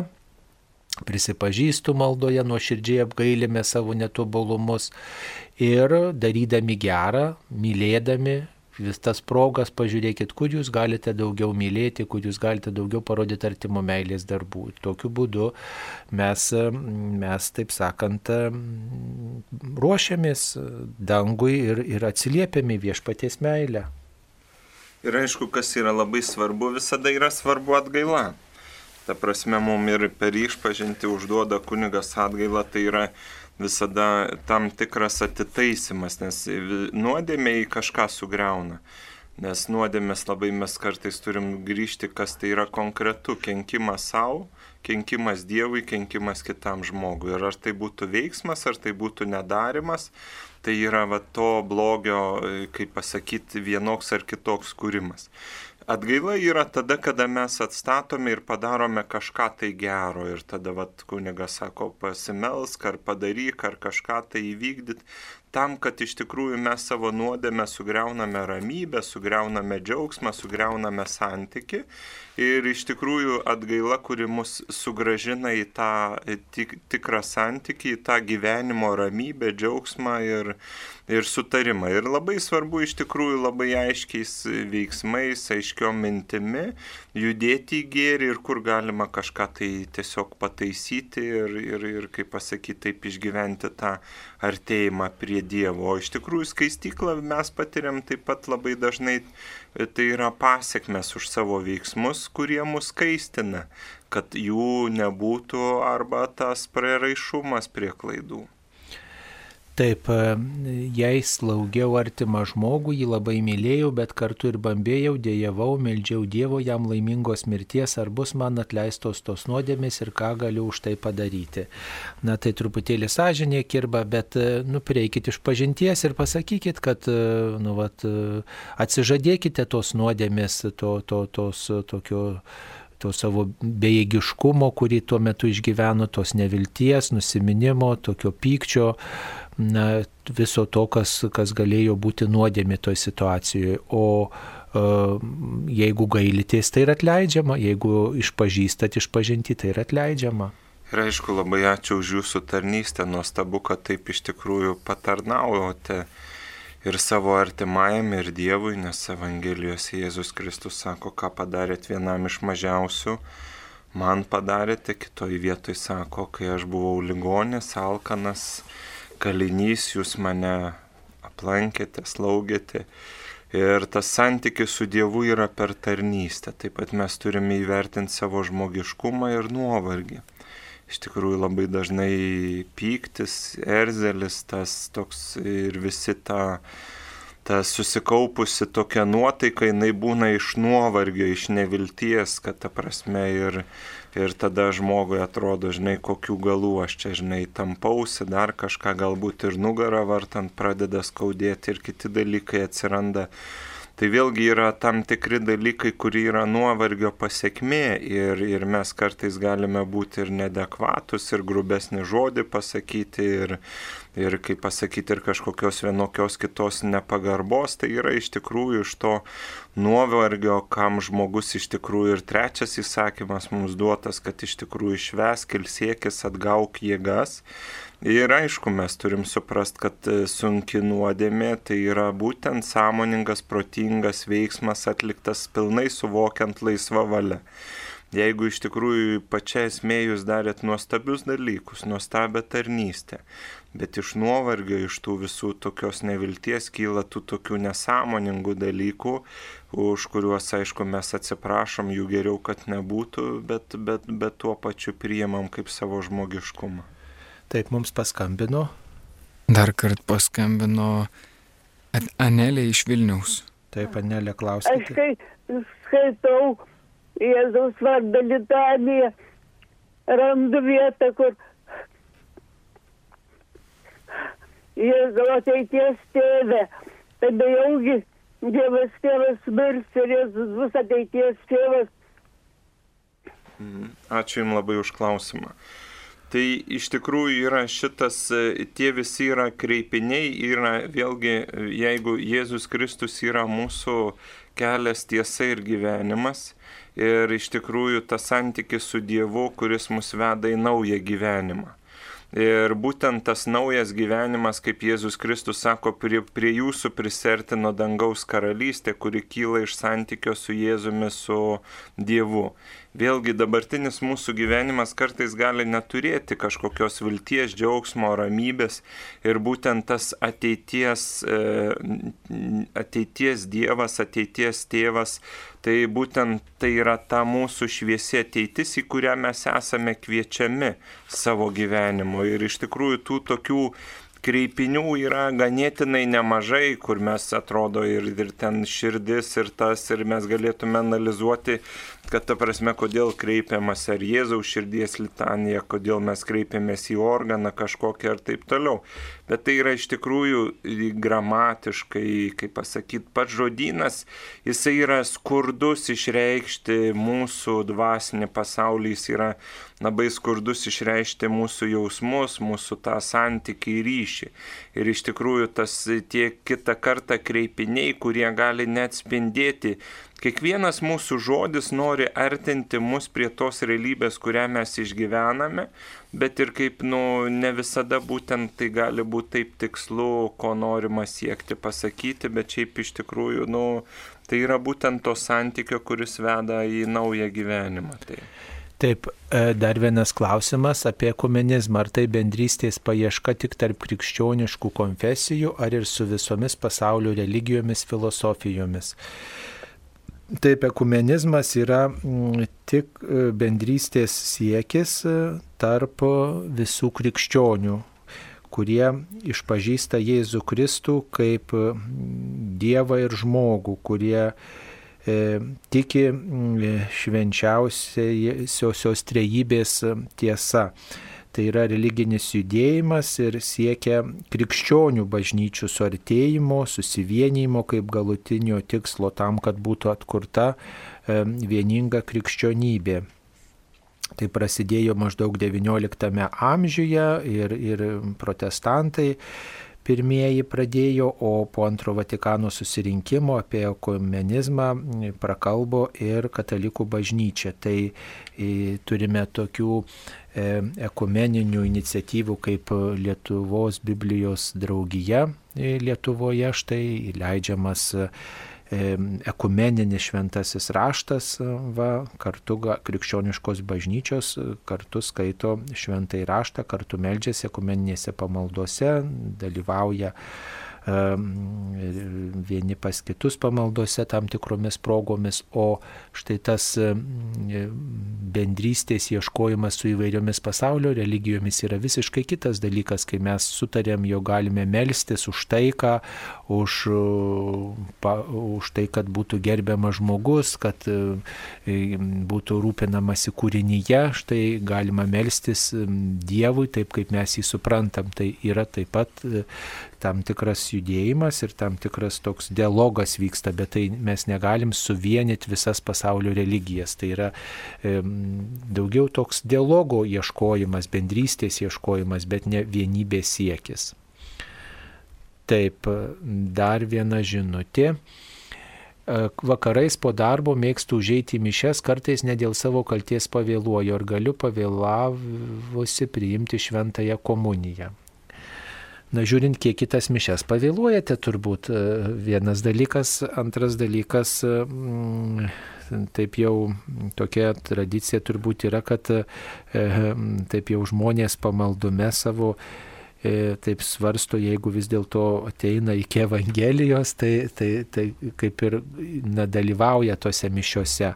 Na, svarbu turbūt tą žodžio liturgiją, paskui irgi po mišių, jeigu nesuspėjau iš, iš klausyti žodžio liturgijos, tai, tai tikrai pasigilinti ir perskaityti bent skaitinius po šventųjų mišių.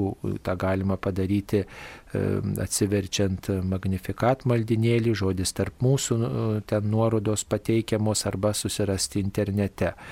Mm, na va, tai aišku, kad jeigu jūs trokštate viešpaties ir pasirengėte ir atsiprašote už tą pavėlavimą ir, ir matot, kad kitaip negalėsite, tai žinoma, kad galite priimti šventąją komuniją. Tačiau į mišes vėluoti turbūt kaip ir į kitos mūsų maldas, kaip ir į kitus susitikimus tikrai nedėrėtų, stenkimės, stenkimės įveikti, įveikti tas kliūtis, kad galėtume laiku dalyvauti to iškiliausioje mūsų maldoje. Mm, taip, kokia garantija, kad kunigas atsisakęs kunigystės išlaikys iš pažinties paslapti? Bet...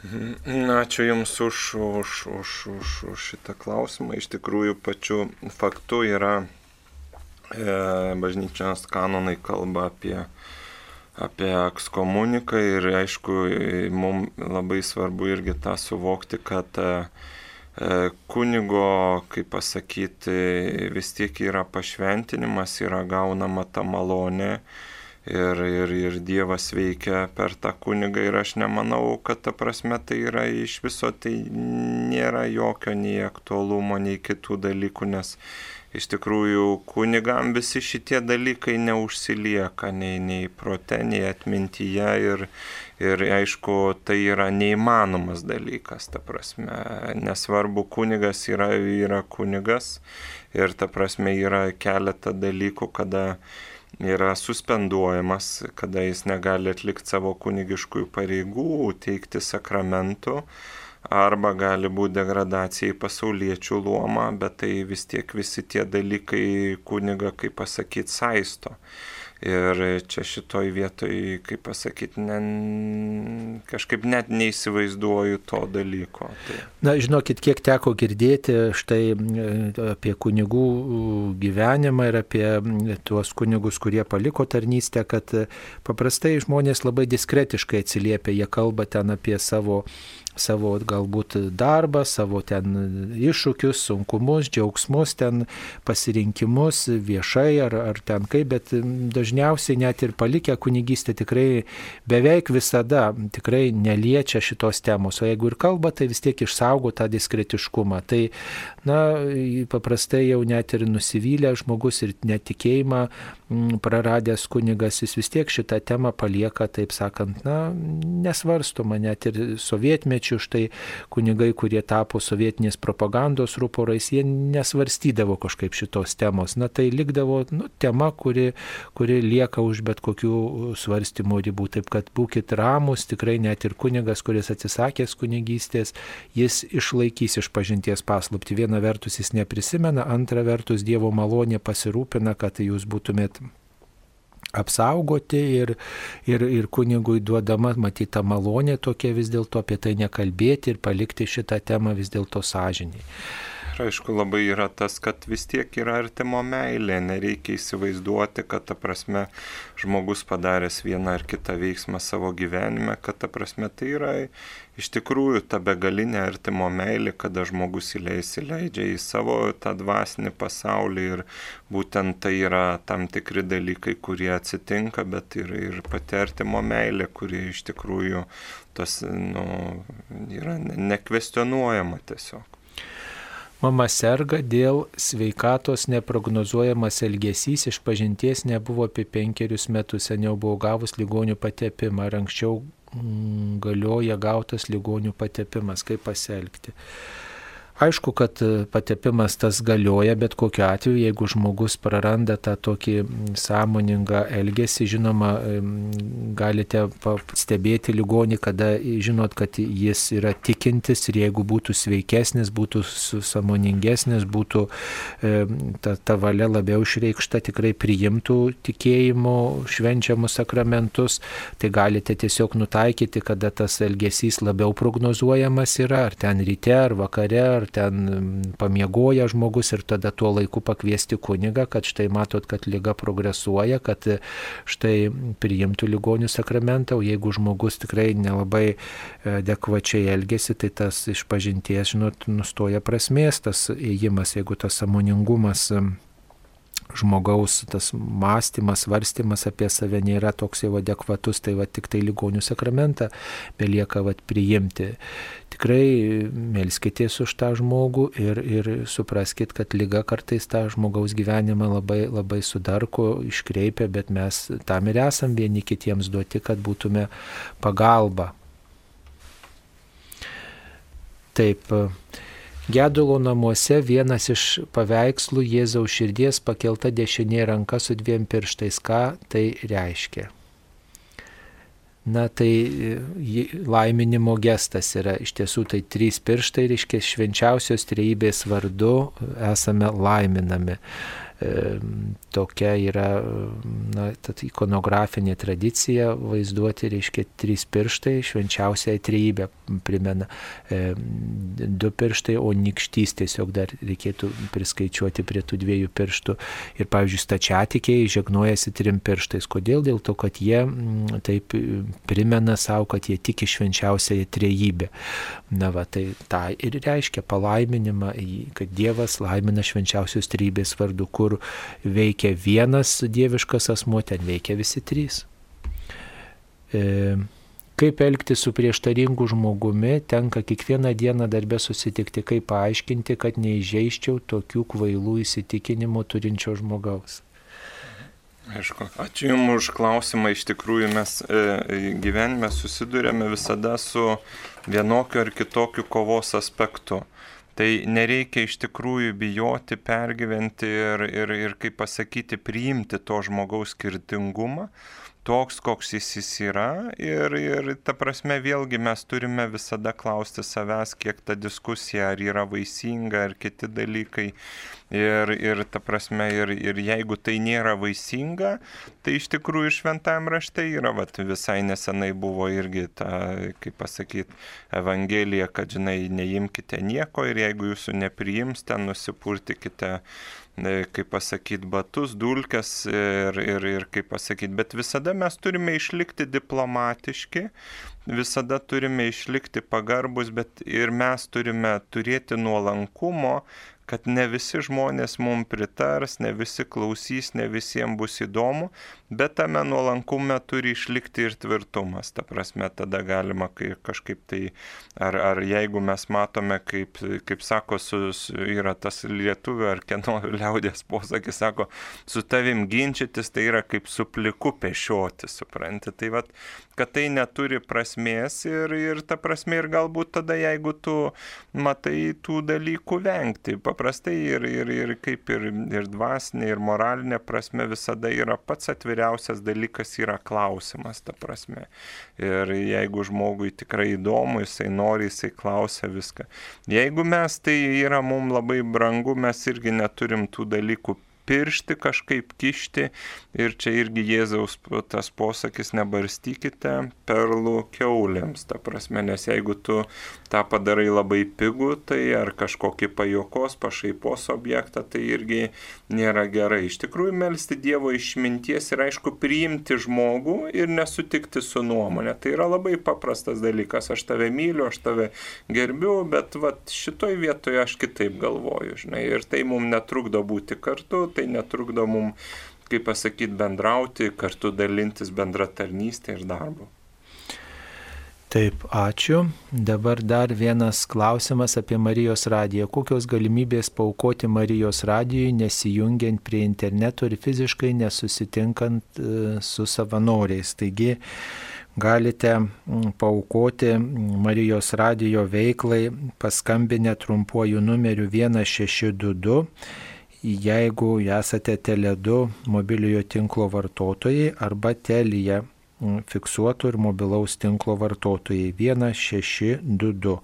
Jeigu esate kitų mobiliųjų tinklų vartotojai, tai paklauskite kaimynų, giminių, pažįstamų, kokių tinklų vartotojai jie yra ir tada galite pa, paprašyti, kad jie paskambintų arba jūs paskambinti iš jų telefono ir išklausyti padėką, o tada tą auką, vienas skambutis, vienos skambučio metu jūs 3 eurus paukojate, galite atiduoti savo, savo lėšomis. Tok, toks... Tai gerai, Sauliau, kad pasakė, nes gali pereiti per kaimynus, paprašyti paskambinti. Ir, ir tu nieko neaukosi. Nieko neauko. Bet gerą darbą padarysi. Kito sąskaita. Kito kito sąskaita, tai labai gerai, kad pasakėte ir sumą ir kad įspėt žmogų, kad jam nuskaitys pinigus už tą gerą darbą. Ta prasme. Bet galima tada grinais atiduoti tam žmogui. Ir suma, ta paukota suma įskaičiuojama jūsų telefono sąskaita. Arba jeigu iš kaimyno skambinate, tai į kaimyno sąskaitą tada reikėtų atiduoti savais pinigais. E, grinaisiais, pavyzdžiui. Taip. Na nu ir taip pat galite, mm, galite pašto perlaidą perduoti. Mm, taigi tokia situacija galima perduoti per patikimus žmonės, taip pat paskambinti galima Marijos radijui ir telefonu dėl aukojimo, štai galima paskambinti telefonu 8683224004 ir sutarti, e, kokiomis, e, kaip jūs galėtumėte paukoti 8683224004. Kiekvienu atveju galima įvairius sprendimus surasti. Dar vienas klausimas yra, kada bus pastatytas Marijos radijo pastatas. Taigi pastatas jau yra pastatytas, dabar vyksta e, tie įrengimo pastato darbai, jau yra ir liftas įrengtas, ir, ir, ir grindys terasinės padarytos, ir dar kiti darbai, dabar jau sprendžiama aparatūros klausimo aspektus, taigi na, už metų tikriausiai jau būsim ir girdėsite iš naujojo pastato.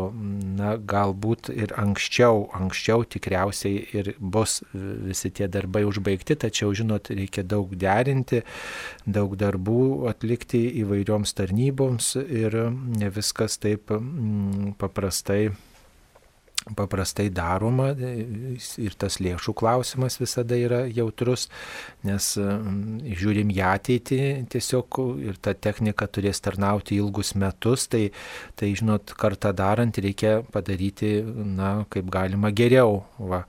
Tai mm, dar yra ir baldai reikalinga įsigyti ir, ir ir taip pat aparatūrą sumontuoti, tai žodžiu, daug tokių atsakingo darbo, bet na, darbai juda į priekį ir ačiū visiems, kurie e, rūpinatės, kurie remiate. Dar klausimas apie Marijos radiją, kiek kainuoja mėnesio laiko transliacija. Turbūt dabar tiksliai nepasakysiu apie visos tos išlaidos, apie kokį 50 tūkstančių eurų maždaug taip.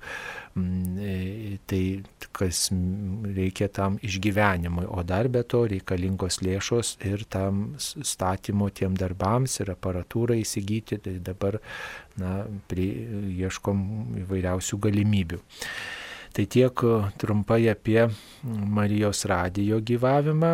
Dabar dar viena e, žinutė ar sekmadienį šventose mišiuose būtini skaitiniai garbės gimnas. Jau nuo sėkminių to nėra, iš karto Aleliuja ir Evangelija. Na tai tikrai būtini sekmadienį, du skaitiniai reiškia prieš psalmę vienas iš Senojo testamento ir iš Naujojo testamento po psalmės, tada Evangelija. Aišku, ir garbės himnas yra šitų laikotarpių taip pat gėdamas ar skaitomas. Nežinau dėl kokių aplinkybių kunigas e, praleidžia tuos dalykus. Jie būtini tiesiog, nu, reikia kalbėti su kunigu, turbūt kalbėkite, paklauskite kunigo, kuris praleidžia skaitinius, kodėl jis juos praleidžia. Tai taip trumpai atsakytume, mums paskambino. Skambino Danutė iš Kauno. Taip, Danutė, klauskite. Garbė Jėzui Kristui. Per amžius. Norėčiau paklausti, ar Marijos radijo. Jūs išjungkite savo radio aparatą. Prisukau. Išjungkite, išjungkite, jeigu galite, išjungkite Supratau. visai. Jau išjungiau, jau išjungiau. Taip, ačiū, dabar Norėčiau klauskite. paklausti, ar kunigas Saulis Bužauskas laiko mišes ir kokioj bažnyčioj. Kunigas Saulis Bužauskas aukoja mišes Marijos radio koplyčioje dažniausiai. Arba važiuoja į atlaidus, jeigu kas nors pakviečia, a, į šventes važiuoja įvairias.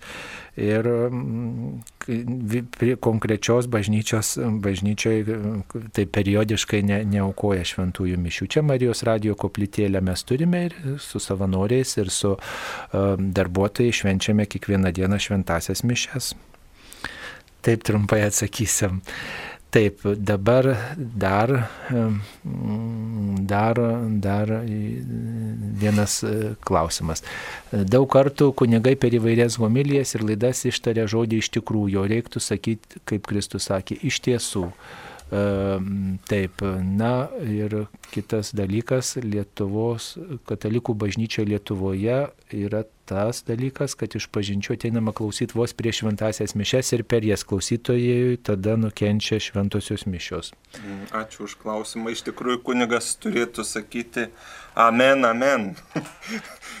Tai- jeigu, jeigu, jeigu.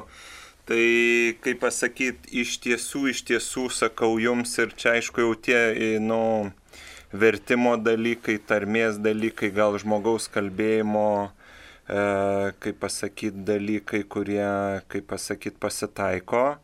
Ir mm, gali tai būti, kad jeigu kunigas kalba ir, kaip pasakyti, sako homiliją, pamokslą ne iš, kaip pasakyti, ne iš popieriaus, ne iš lapo, kiekvienas iš mūsų turim tų tokių e, šitą parazitinių žodelių. Ir pavyzdžiui, mūsų vienas labai garsus politikas visada mėgdavo sakyti reiškėsi, reiškėsi, ar kitų dalykų, tai iš tikrųjų išlenda mūsų žmogiškumas išlenda mūsų, kaip pasakyti, visi tie dalykai, kurie, kuriuose, kuriuose galbūt tas įsireiškimas nebūna, nebūna toksai ypatingai tikslus. Tai tik tai apie tą iš tiesų klausimas. Taip, e, ir dar vienas klausimas, e, taip, dabar apie krem... Ai, taip, mums paskambino. Stanislava iš Kauno. Taip, Stanislava, klauskite Gerbė Jėzui Kristui. per amžius. Dešimt minučių pavėlavau, nežinau, gal kartais kas jau ir siuntė padėką, bet aš nuo savęs noriu labai nuoširdžiai padėkoti tikriausiai kunigui Sauliui direktoriui mūsų Marijos ir už nepaprastai tokį išradingą kryžiaus kelio ateimą 15 val. po gailestingumo vainikėlio. Tikrai toks yra nuoširdus ir greudinantis ir tiesiog priverčia žmogų visą širdimi atsiduoti. Labai nuoširdžiai dėkoju už tokį išradimą. Taip, ačiū Jums. Taip, dabar e, e, klausimą tokį turime apie kremavimą po mirties. Kodėl kiti mirusiojo pelenus barsto jūrą, upę ar dar kažkur namuose pasilieka artimojo pelenus? Ar jums netrodo, kad čia Lietuvos valstybės įstatymo klaidos, kaip į tai turėtų reaguoti katalikų bažnyčia, nes tai labai jautru? Ir aš matau, tai yra įstatymo pažeidimas. Tai ta prasme Lietuvos valstybės įstatymai tokių dalykų neleidžia. Tai yra draudžiama. Jeigu kažką tokio žmogus padaro, tai yra, yra neleistina veikla. Ir iš tikrųjų žmogaus kūnas yra integralus. Ir, ir ta prasme jisai yra nedalomas ir jisai jam yra skiriama pati aukščiausia, nu, kaip pasakyti, pagarba. Jeigu urną laikyti namuose, aš visada nesuprantu, kodėl nekarsta, ta prasme, koks yra skirtumas. Tai yra vis tiek yra pa- palaikai ir mes tą turim aiškiai sveikų protų suprasti, kad yra, nu, Ir aišku, dabar galimybė organus ten kūną galima azotę užšaldyti viską, bet ar mes tą įsivaizduotume. Ta prasme, tai lygiai tas pats yra ir urnos e, laikymas namuose. Tai yra, aišku, pirmiausia yra atidavimas, paleidimas ir ypatinga pagarba. Toliau kaip kūno integralumas, jisai negali būti dalomas, net nežiūrint kokio jisai padėti būtų. Tai ir, ir, ir vėl įsivaizduokime barsto pelenus, jie už, už, užbyra ant drabužių, ant rankų, tu eini po to plaunėsi, atsidūrė kanalizacijoje visi tie dalis pelenų, viską kaip tada. Ir čia yra daug tokių dalykų, kur yra, yra šventa vieta kapinės, tai yra neliečiama vieta, tai yra pagarbos vieta.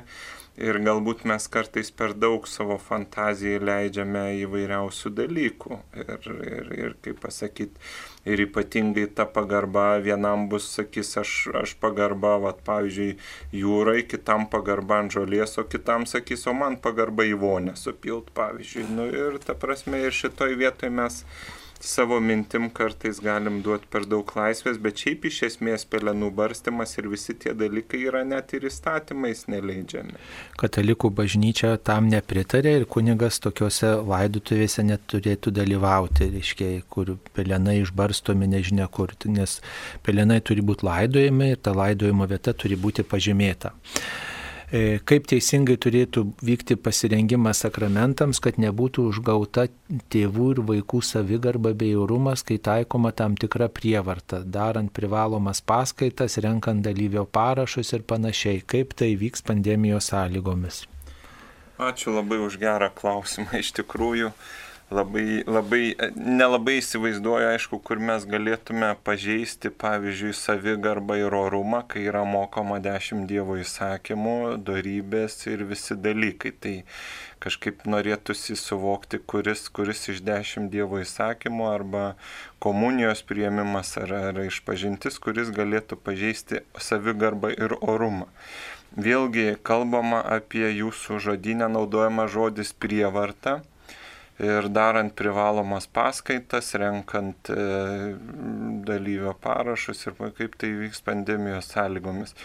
Tai vienu žodžiu, mes iš tikrųjų ar galėtume pasakyti va tokį dalyką, jeigu jūs auginate vaikus, ar jie eina per prievartą į mokyklą, ar jie, ta prasme, eina savo noru ar jie namuose šitą mokykloje užduotis daro savo noru, ar yra vis dėlto kažkoks mokytojo paraginimas, namų darbus jie daro savo noru, ar yra kažkoks paraginimas.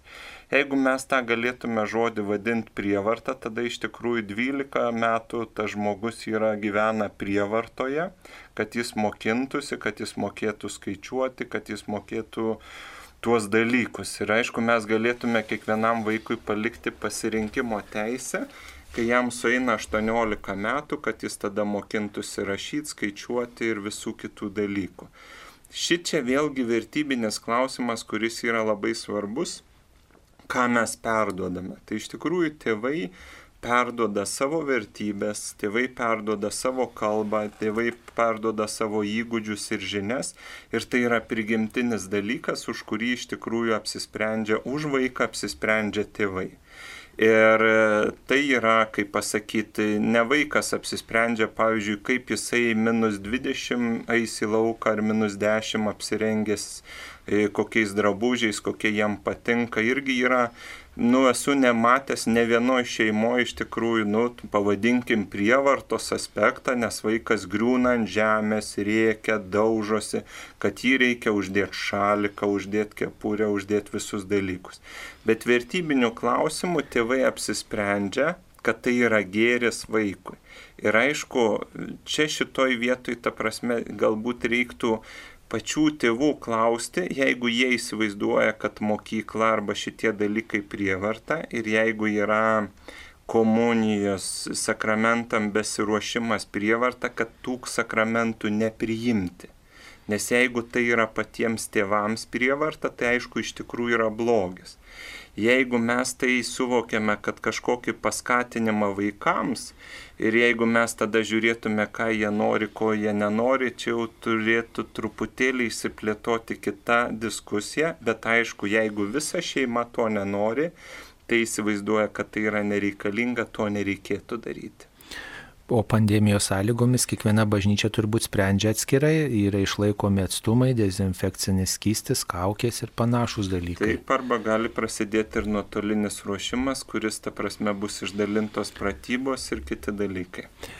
Ar gali kunigas duoti santoko sakramentą vienam iš sutoktinių, jei kitas nenori?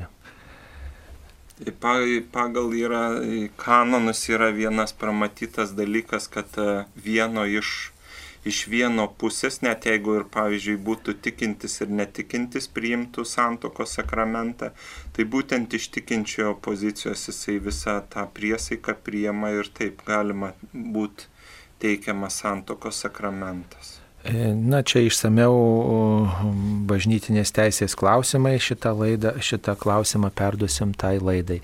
E, prašau paaiškinti apie šventos komunijos prieimimą šiuo metu. Taigi šiuo metu yra tokie būdai priimti komuniją. E, bažnyčioje dalyvaujame su kauke ant veido, artėjant šventos komunijos laikui, kai artinamės prie kunigo, nuimame kaukę ir ištiesiame E, de, kairę ranką, e, į tą kairę ranką, po kairę ranką padedame dešinę, į kairę ranką kunigas įdeda šventąją komuniją ir tada mes dešinės rankos e, nikščių ir smiliumi paimame komuniją ir kunigo akivaizdoje ją priimame.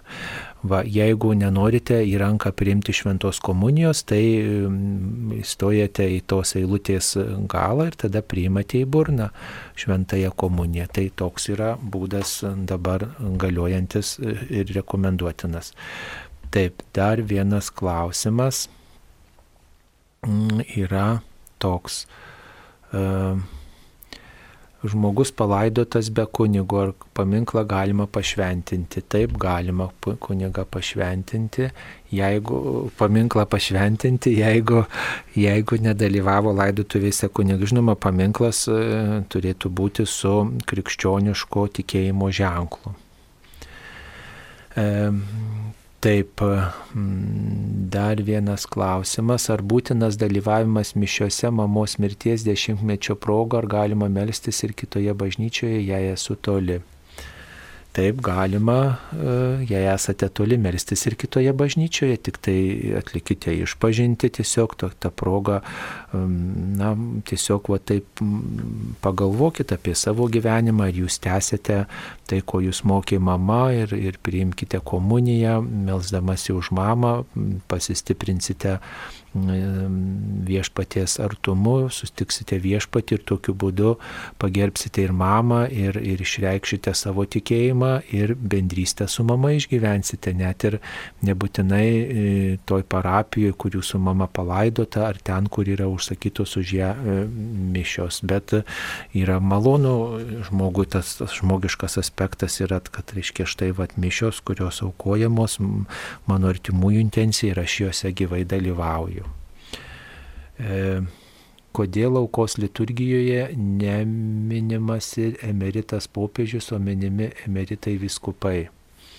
Na, privaloma minėti turbūt tik tai dabar pareigas einantį popiežių ir taip pat e, privaloma minėti tos vietos vyskupą, tos vietovės, kurioje aukojamo šventos mišios vyskupą ordinarą. Tie kiti, e, reiškia, ten pagalbininkai, emeritai, jie paprastai e, galima jų ir neminėti. Tačiau paminimi dėl bendrystės su jais, dėl to ryšio su jais paminimi, o popiežiaus emerito minėjimas paprastai yra praleidžiamas, na, bažnyčia, bažnyčiai vadovauja vienas ganytojas, nu tokia tradicija taip susikloščiusi. O...